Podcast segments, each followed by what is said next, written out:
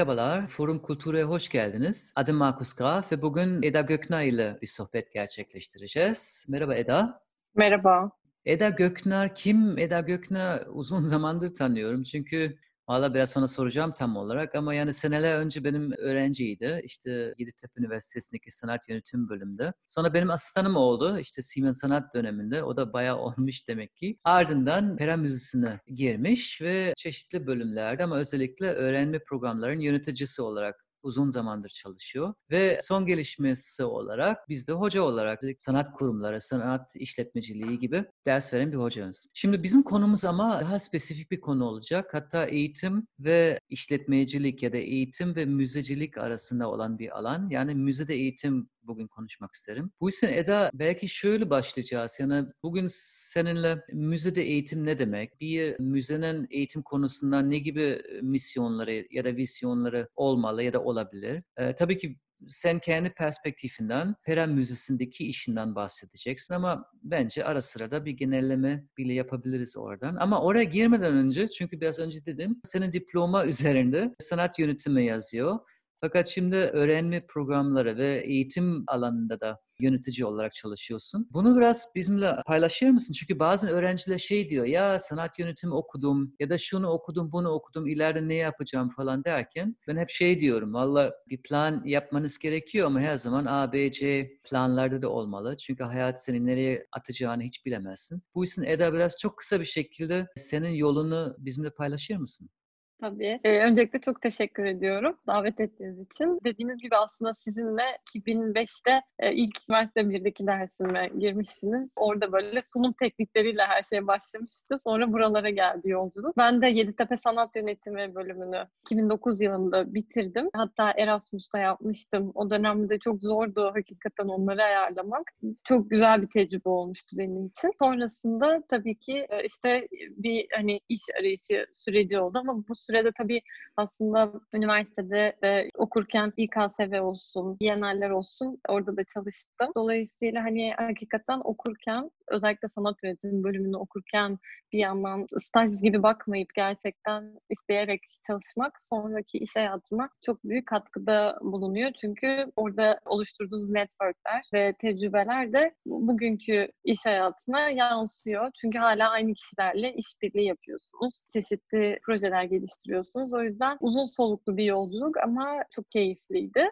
Bunun dışında Era Müzesi'nde 2010 yılında stajyer olarak başladım ben de. 2011 yılında işe girdim ve onun devam eden sürecinde de öğrenme programları kulvarına evrildi yolum diyebilirim. Ve daha sonra Pera öğrenme programlarının sorumluluğunu üstlendim. Ve aslında orada sadece çocuklarla çalışmıyoruz. Çocuklar, gençler, yetimler, dezavantajlı gruplar, yaşlılar e, hepsine yönelik sergiler bağlamında çeşitli atölye içerikleri geliştiriyoruz. Eserler hakkında sohbet ediyoruz. Aslında amacımız tabii ki daha çok burada müzeyi yaşanılabilir kılmak, hayatın bir parçası olduğunu göstermek ki şu anki güncel bu Covid-19 durumunda da e, yeni normalde aslında sanatın bir nevi şifa olduğu ama bir yandan da tabii ki hani bunun sürdürülebilirliğini sağlayan güçlü kurumların bizleri ayakta tuttuğunu da görüyoruz. Şimdi müze öğrenme programları derken bu bir bağlamda çok soyut bir kavram. Dolayısıyla yani eğitim ile olduğunu anlıyorum ama tam olarak ne demek bu?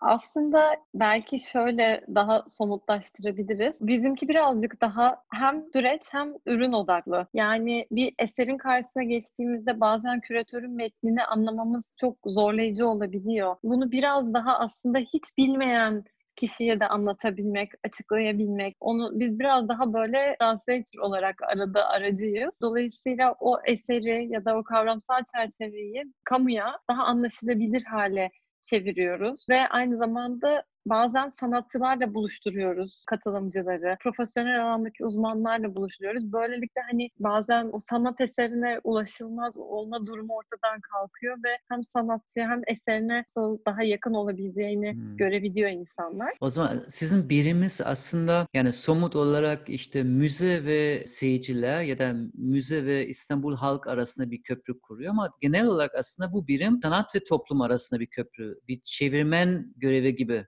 üstleniyor değil mi? Doğru. Evet. E, kesinlikle öyle.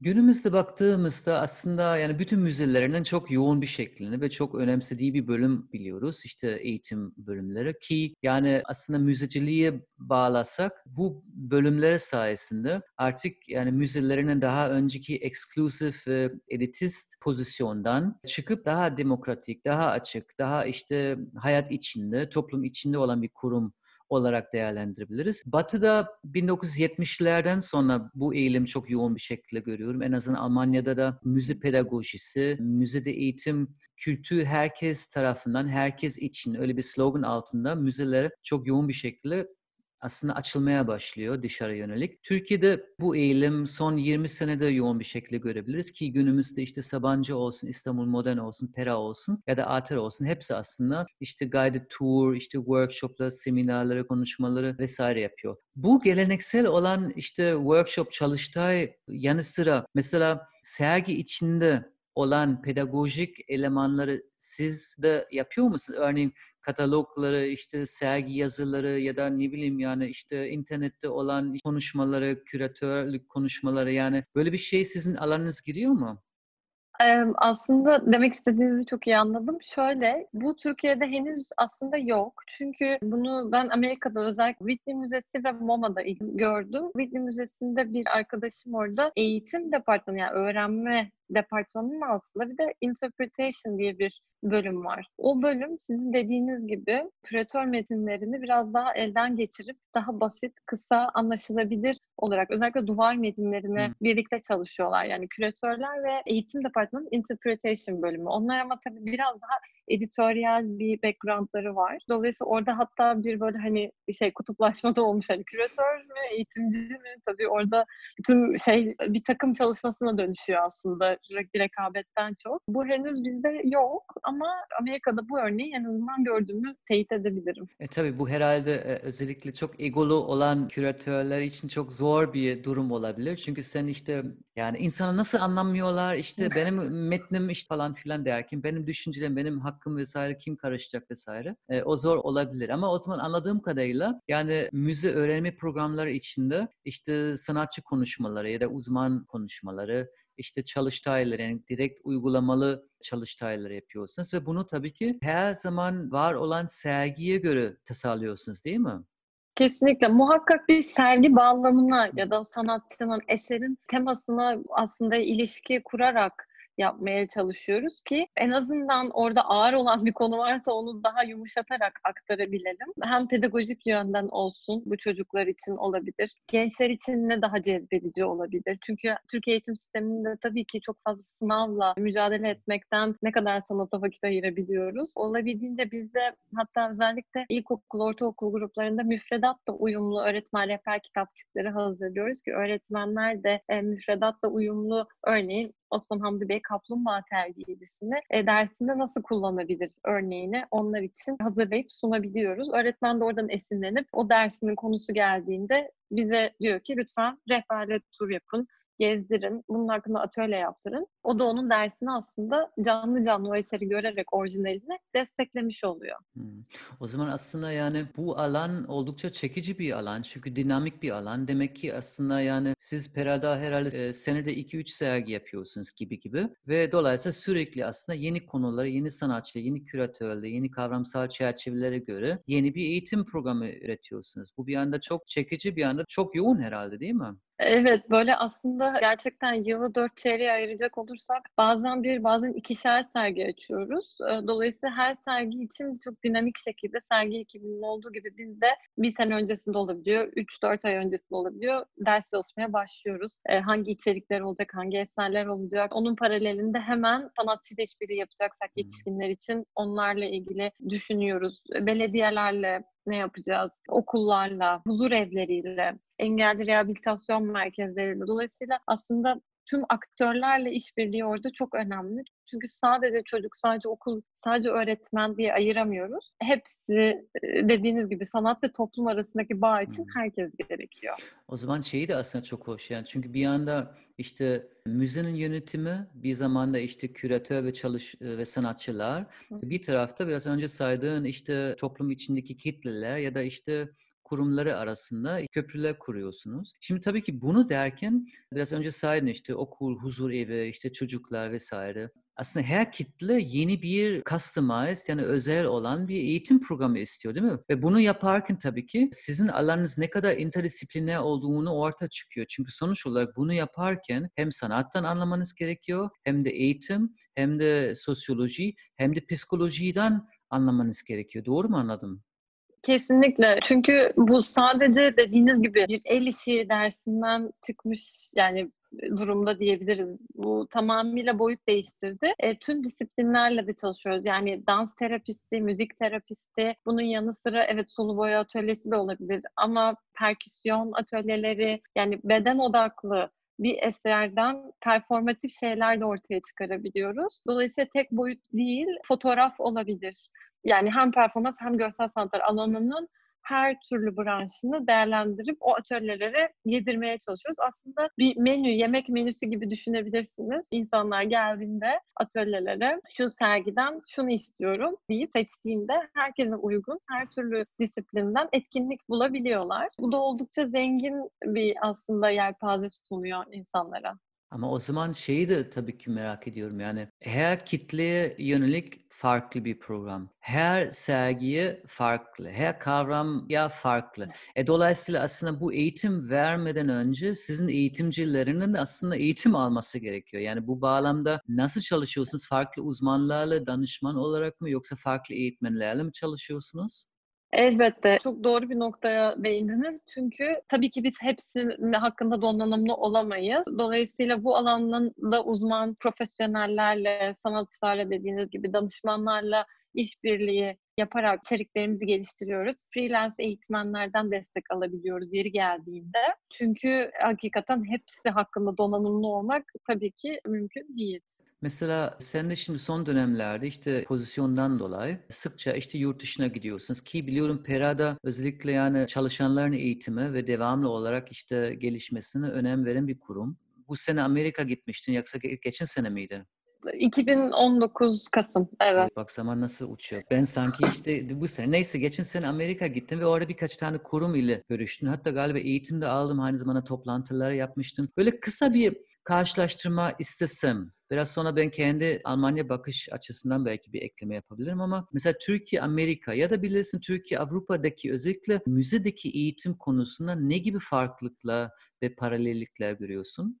Şu anda günümüzde Türkiye'nin aslında müzelerdeki öğrenme programları hakikaten yurt dışındakilerle başa baş. Yani gerçekten iyi durumda. Herkes gündemi çok iyi takip ediyor yenilikçi ve hep artı şeyler koyuyor üstünde ve biz Türkler biraz detaycıyız, duygusalız. O yüzden daha da böyle abartarak o paketleri hazırlıyoruz. Malzeme konusunda titiziz. Yani yemeği nasıl ki işte bir mutfağımızda zeytinyağlılarla daha böyle zenginse hakikaten buradaki atölye içerikleri de o kadar zengin bunu hani hakikaten Türkiye'deki tüm müzelerin öğrenme programları için söyleyebilirim. Amerika'da özellikle oradaki eğitimcilerle görüştüğümde onların daha fazla süreç odaklı olduğunu görüyorum. Sonuçtaki o ürüne çok takılmıyorlar. Bunun sebebi bizde biraz aslında hem ebeveyn hem öğretmen baskısı var. Çünkü ebeveyn ben o vazonun biçimli bir şekilde çıkmış olmasını istiyorum diyor. Hani o süreçte o öğrenci ne yaşadı,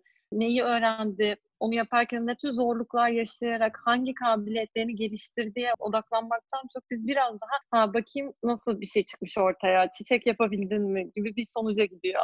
Dolayısıyla orada biz her ikisini de e, barındırmaya çalışıyoruz Türkiye'de. Yurt dışında ise biraz daha süreç odaklı diyebilirim. Belki sizin Almanya örneğiniz de daha farklıdır eminim. Hollanda'da gördüğüm ise özellikle okuldaki eğitim sistemleri müfredat da o kadar uyumlu ki müzenin müfredatı ve okulunki. Çünkü değişmiyor genelde okuldaki müfredat. Onlar hep başa baş birlikte çalışıyorlar. İşte dediğim yani bizdeki Osman Hamdi Bey gibi Rembrandt'ın bir eserini de orada gidip incelemek zorunda öğretmen ki öğrenci sınavında o konu hakkında bir yorum yapabilsin. Dolayısıyla bu şekilde özetleyebilirim.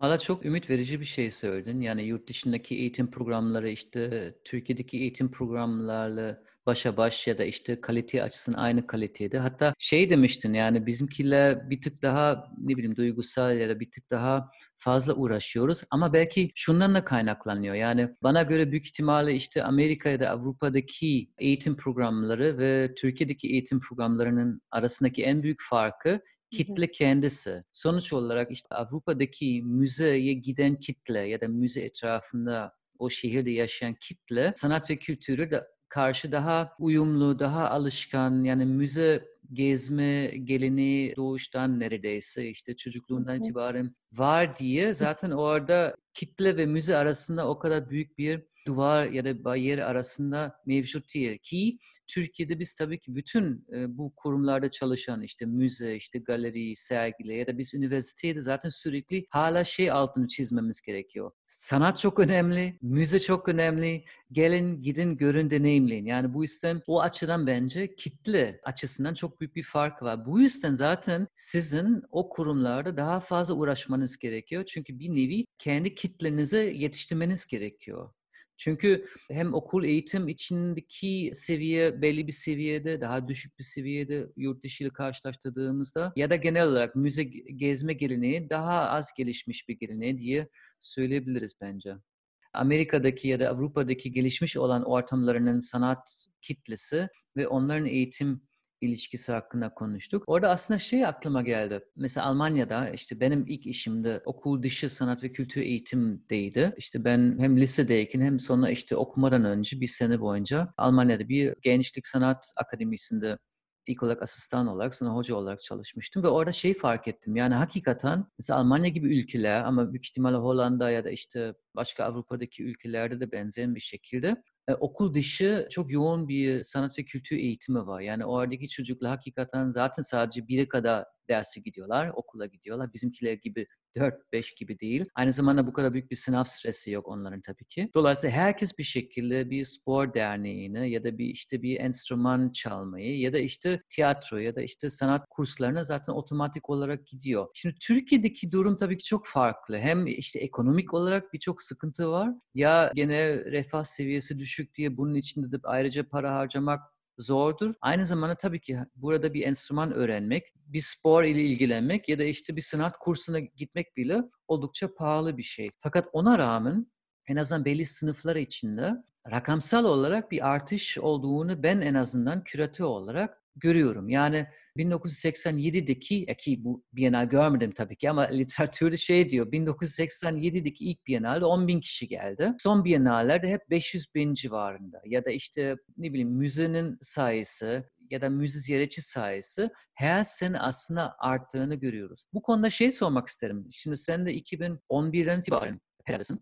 E, bu 9-10 senelik süresinde bir artış gördün mü? Yani hem ilgi olarak hem de işte ne bileyim rakam olarak bir artış söz konusu mu?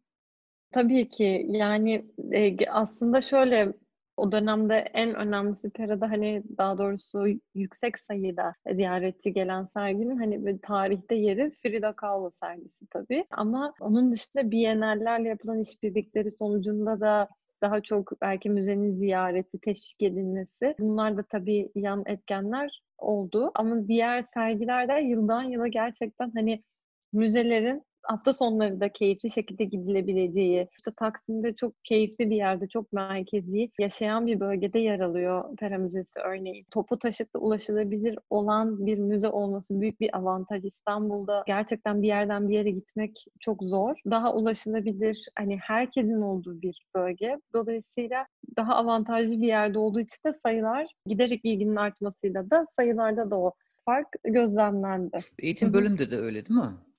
E, tabii yani zaten ilk çocuklarla başlayıp sonra giderek yaş grupları çeşitlendiği için yani aylık en azından 800 kişi fiziksel olarak hani geliyordu diyebilirim. Dolayısıyla az bir sayı değil 900'leri bulduğumuzda oldu. Dolayısıyla aylık olarak bu rakamlar ciddi rakamlar. Bunlar müze ziyaretçileri değil bu eğitime katılan Sadece sayıları mı? eğitime katılanlar, okul grupları, wow. işte özel öğrenim gören öğrenciler, öğretmenler, huzur evleri dediğimiz gibi yetişkinler, gençler hepsi hmm. bir arada.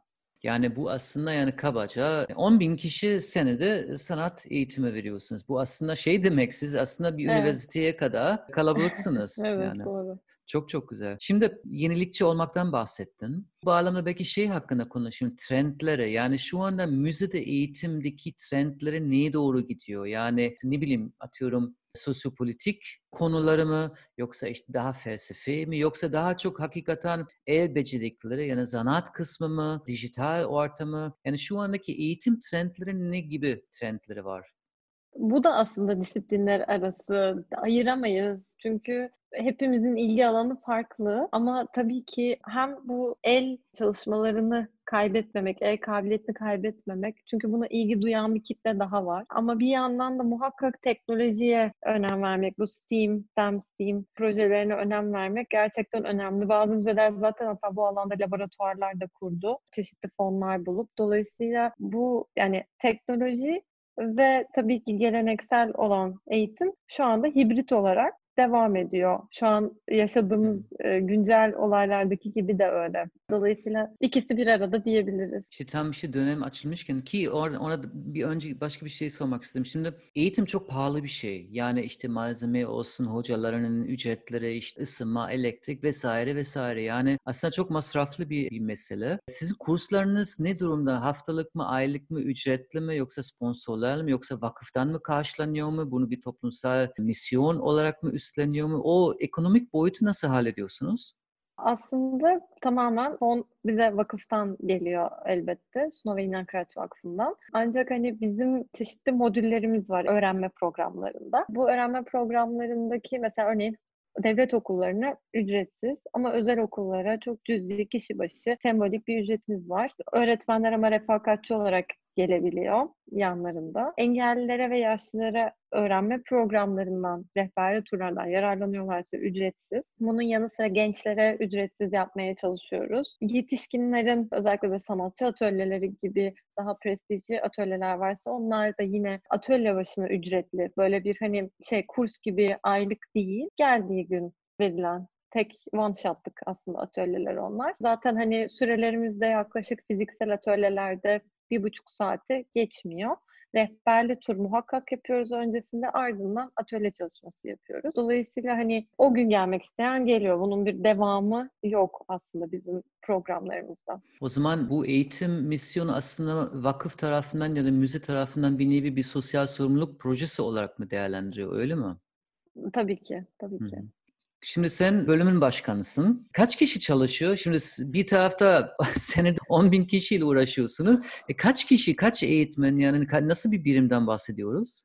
Aslında şöyle, şu anda biz toplam 3 kişiyiz bu departmanda. Hepimiz her şeyi yapıyoruz. Yani biraz da görev dağılımında birlikte çalışıyoruz. Çünkü hani hem sahadayız hem karar verme noktasındayız. Çünkü başka türlü ilerlemiyor. Tabii ki bu 10 bin dediğimiz rakama dediğim gibi dışarıdan aldığımız zaman zaman freelance desteklerle de ilerliyoruz. Çünkü alanda uzman kişilerle de çalışma fırsatımız oluyor. Böyle bir imkanımız var. Ama diğer grupların hepsinde biz zaten hem eğitimciyiz hem yöneticiyiz. İki hmm. kimliği bir arada götürüyoruz. İşte bu da klasik Türkiye'de İstanbul meselesi. Yani herkes her şey yapmak zorunda kalıyor. Çünkü biz yapmasak kimse yapmaz gibi. Ama bu da bir anda tabii ki şeydi yani dinamik bir yapı geliştiriyor ve işte herkes de hem interdisipliner olarak hem de birbirinizden çok yoğun bir şekilde öğreniyorsunuz. Yavaş yavaş sona doğru geldiğimizde iki şey sormak isterim. Birincisi şey tabii ki Covid'den dolayı çok yoğun bir şekilde dijital araçlar kullanıyoruz ki biz de şu anda Zoom üzerinde bir konuşma gerçekleştiriyoruz. Sonra işte bunu YouTube'da yükleyeceğiz, podcast'ta yükleneceğiz ve zaten Covid'den dolayı herkes işte bu dijital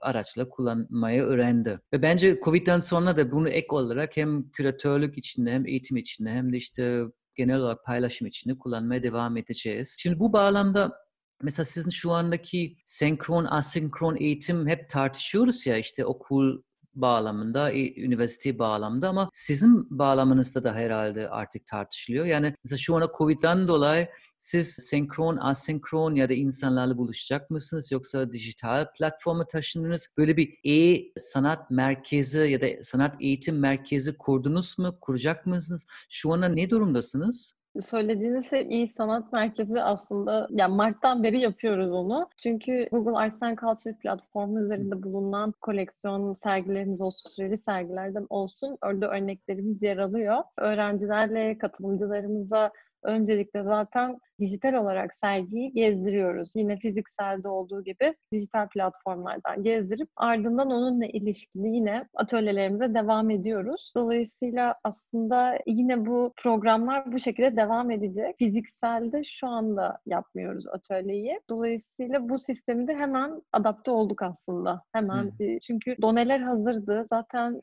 dijital olarak sergilerimiz yer aldığı için çünkü teknolojik anlamda da ekibimiz ona çok önem veriyor. Kurum da buna çok önem veriyor. Dolayısıyla onlar olduğu sürece bizim bunun üzerine bir eğitim programı yazmamız, öğrenme programı yazmamız çok daha pratik oluyor aslında. Tabii ki biraz daha basit malzemelerle gidiyoruz. Yani eskiden daha böyle kompleks malzemeler bulup hani az bulunabilecek malzemeler üzerinden giderken şimdi Yine çizim atölyeleri, boyama atölyeleri, düşünsel atölyeler olsun. Onlara yine geri döndük. Ama yetişkinlerle müzik terapisi, işte dans terapisi yaptık, felsefe atölyesi yaptık. Bunlar da e, insanların kendilerini iyi hissettiği atölyeler oldu.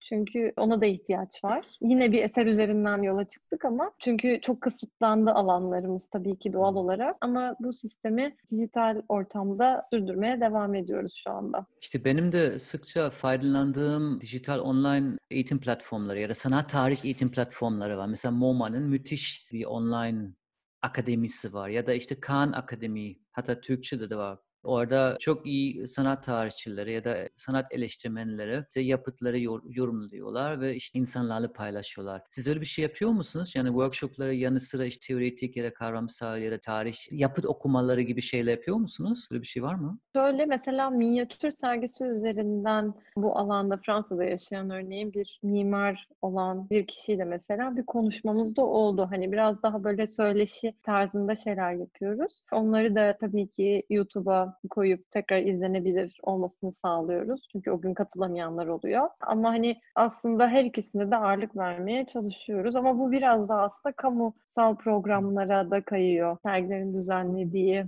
alana doğru giriyor. İşte bu araçla çok önemsiyorum çünkü bunun sayesinde Covid'den sonra bunun gibi yöntemleri bence kullanmaya devam edeceğiz. Çünkü o, o araçları sayesinde İstanbul dışında yani Anadolu'da ya da teoretik olarak işte yurt dışında bile insanlara e, ulaşabiliriz. Son olarak şimdi bu konuşmada aslında benim canım çekti tekrar bu alana dönmeye açıkçası. Yani bu alan ne kadar interdisipliner, ne kadar dinamik, bir anda ne kadar humanist ve ne kadar önemli bir alan olduğunu bence sen çok güzel ortaya çıkarttın. Dolayısıyla şimdi bizi dinleyen gençler, işte öğrenciler, sanat yönetiminde okuyan ya da işte plastik sanatlarda okuyan ya da bambaşka bir alanda okuyan bir öğrenci öğrenci aa bu çok güzel bir alan müzik pedagojisi ya da müzik pedagogi hiç düşünmedim. Öyle bir gence ne önerebilirsin? Yani kendisini geliştirmek için klasik staj yanı sıra neler ihtiyacı var? Yani böyle bir alanda çalışabilmek için e, teoretik kısmı ya da praktik kısmı, yönetici kısmı ya da eğitmen kısmı olarak neler geliştirsinler, neler üzerine çalışsın diye neler söyleyebilirsin? Aslında tabii ki müzelerde imkanları varsa ilk etapta geleneksel olan bu stajlarını uzun dönemli yapmalarını önerebilirim. Çünkü kısa dönemde bir projenin ortaya çıkışını göremiyorlar. Yani sonuçta bir serginin hazırlanması, bir küratörün bile hazırlanması ne kadar zaman alıyor. Aynı şekilde bir öğrenme ekibinin de bunu hazırlaması, iskeletinin oluşturulması ve sonra önce zihinde bir brainstorming böyle her şeyi düşünüyoruz, planlıyoruz. Sonra bir de sahaya çıktığında uyguladığında uygulanabilirliğini görüyoruz. Bazen de uygulanamayabilirliğini de görebiliyoruz. Yani o yüzden hani onu kendisini test etmesi, tabii bu alanda müzelerin de buna o kişiye güvenip alan tanıması da önemli oluyor. Ama sizin de dediğiniz gibi hem aslında bir sürü eğitim programları online olarak şu an var. Hani onlardan yararlanılabilir. Olabildiğince farklı farklı müzelerde staj imkanı çok iyi olur. Bunun dışında belki kendi yaratacakları bir startup olabilir ve onunla öğrenme programına gelip fikrini paylaşabilir. Belki okulla müzeyi bağlayacak bir şey olabilir. Bu belki oradaki farklı boşluklar diyebilirim. Onları yakalayıp yaratıcılıklarını kullanıp teknolojiyi de bu işin içine katıp yeni şeyler yaratabilirler. Çünkü bizde var olan sistemin içinde sonuçta sergiyle bağlantı kurup disiplin arası içerikler üretmeye çalışıyoruz. Ama bunları yaparken birçok disiplinden yararlanıyoruz. Yani sadece klasik sanatlar okuyan değil, mimarlık okuyan için de müzelerin öğrenme departmanları e, gayet açık. Yani onlar da proje üretebilir. Ya da bilgisayar mühendisi okuyorsa bir sanatla, eserle ilgili bir bağlantı kurup da bir içerik geliştirebilir. Zaten sanat okuyorsa otomatik geliştirebilir içeriği. Olabildiğince yaratıcı malzemelerle hmm. neler yapabileceklerinin aslında e, önerilerini hazırlayıp çalışıp ama önce pratik edip o işler orada nasıl yürüyor onu görüp sonrasında kendi fikirlerini sunarlarsa kapılar açılacaktır diye düşünüyorum. Bu konuşmada herhalde şey ortaya çıkarttık çok net bir şekilde. Yani müzede eğitim ya da müzede öğrenme programlarında interdisipliner bir kimliğe sahip olman gerekiyor. İnterdisipliner demek ki katmanlı ve farklı alanlardan ve tabii ki kimse en başından bütün alanlara hakim değil dediğin gibi. Bu yüzden bence gençlerimize şunu belki önerebiliriz. Yani ilk olarak kendi güçlü yanları tespit etmeliler. Bu sanat içinde bir uygulama olabilir. İşte malzeme tanımı, estetik, praktik vesaire. Ama öbür tarafta tabii ki daha önemlisi eksiklikler tespit edilmesi gerekiyor. Yani sanat tarih mi, eğitim mi, atıyorum yani klasik olarak tabii ki e, herhalde en uygun aday resim işten mezun olan birisi. Ama herkes öyle değil. Yani bazen işte yandan dışarıdan ya da geç fark eden birisi olabilir. Mesela plastik sanatlara sanatçı olmak isteyen ama bir yanda yok. İşte bu paylaşımlarda da severim. Ya da dediğim gibi babam başka bir alan. Senin gibi sanat yönetiminden ya da işte mimarlıktan ya da tasarımdan ya da işte sosyoloji, psikolojiden gelenler olabilir. Ama bence şu önemli. Hakikaten bütün alanları en azından yüzeysel olarak bilinmesi gerekiyor. Zaten derinleşme zamanıyla olur. Dolayısıyla bir anda sanatın uygulama teknikleri, yani malzemeyi, renkleri vesaire. İkinci sanat tarih bilmesi gerekiyor. Üçüncü tabii ki pedagoji bilmesi gerekiyor. Dolayısıyla eğer yani bu üç alandan birisinde bir zayıflık varsa onun üzerine çalışman gerekiyor. Dediğin gibi ya staj yaparsın, belki bir okulda, belki bir STK'da, belki işte başka bir şeklinde. Ki yani sanat eğitim sadece müzelerde değil. Bir anda mesela PACE ya da PACE diye çok güzel çocuk sanat eğitim veren kurumlar var. İşte orada da belki gönüllü olarak ya da stajyer olarak çalışabilir. Ben her zaman öğrencilerime şey de öneri veriyorum. Yani formasyonu alın.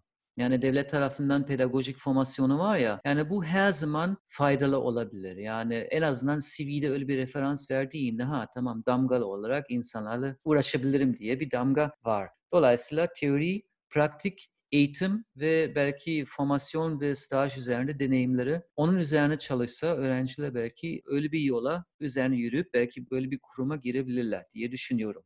Kesinlikle. Yani hepsine katılıyorum. Çünkü sadece sanat da dediğim gibi yetmediği için üstüne bir şey koymak gerekiyor. Şu anda en popülerleri Maker Lab'ler. Yani bu Maker Lab olmadan olmuyor. Dolayısıyla aslında sadece belki ebeveynlerimiz şu anda telefona yapıştılar, tablete yapıştı çocuklar oyun oynuyor diye serzenişte bulunuyor olabilirler ama bir oyunu yaratmanın ne kadar zor olduğu ve düşünsel süreci olduğu kısmı da aşikar. O yüzden o maker lab'ler böyle hani teknoloji girdabına girmiş gibi oluyor ama hakikaten orada çok şey üretip yaratabiliyorlar. Onun da kazancı çok büyük. O yüzden hepsi birlikte bir paket yani. Evet, bu konuda Bage Akbay da aklıma geliyor. O da e, hem iyi bir sanatçı hem de işte bu e, make konusunda çok uzman. Hatta o da işte öğrencilerle, çocuklarla beraber harika şeyler üretiyordu. Okey, sevgili Eda, çok teşekkürler. Çok ben net, çok samimi, çok odaklı bir şekilde senin kendi uzmanlık alanını bizimle paylaştın. Ve inanıyorum ki yani dinleyenlerin bazıları belki ilk defa e, öyle bir alan, ha ne kadar çekici, benim için uygun olabilir falan diye düşünebilir düşünenler olabilir. Ve özellikle bunu düşünen kişilere şey sesliyorum. Gelin deneyin. Çünkü biz genellikle şey diyoruz. Ne kadar çok sanatçı varsa o kadar iyi bir toplumumuz oluşuyor. Fakat ek olarak ben şey diyorum. Ne kadar çok eğitimcilerimiz varsa o kadar iyi bir toplum oluruz. Çünkü sadece bu sanatçı tek başına kalırsa konuşmamızın başında dediğin gibi bu sanat ve bu sanatçılar ve toplum arasındaki köprü kurmak çok güç. Hatta sen şey dedin sanat yapıtları sıkça ulaşılmaz gibi bizi gelebilir. Bu yüzden hakikaten ne kadar klişeli olsa da eğitim şart derim. Evet Eda'cığım çok çok teşekkürler. İyi ki varsın, iyi ki varsınız. Pera Müzesi'ne çok teşekkürler. Bütün bu projeler için çok değerli ve çok önemli bir iş yapıyorsunuz. Gerçekten çok sağ ol. Sevgili dinleyiciler ve e, seyirciler. Forum Kultura şimdilik bu kadar. Konumuz müzede eğitim ya da öğrenme programları. Sevgili Eda Gökna bize kendi alanınızı anlattı, paylaştı ve bunun için Eda çok teşekkür ediyorum. Ve başka bir programda görüşmek üzere. İyi günler. Çok teşekkürler. Görüşmek üzere.